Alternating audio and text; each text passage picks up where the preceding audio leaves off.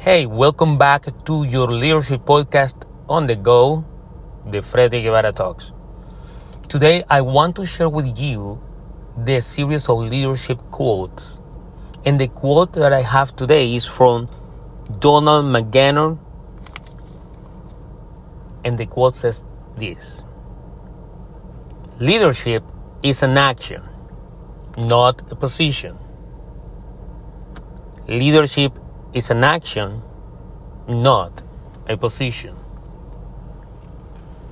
Basically means that leaders, effective leaders, lead by example, not only with words. So refer to that. This is a fight that I have had during my career. Sometimes I have had ambitions to to climb the corporate ladder but I realized that it doesn't matter what my position is within an organization.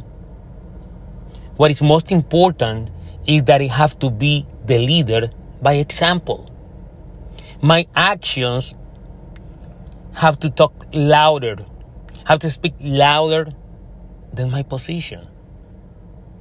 And I have experience with many managers, with supervisors, with leaders that they execute actions based on their position, based on their authority. And it doesn't really work successfully in the long term. Leaders lead by example because leadership is action, not authority, not position. And I want to summarize this week with the two leadership quotes from this week. There are two important words that I want you to learn, to hold it, to keep it, and to implement in your life as a leader. Number one, leadership is influence, leadership is action.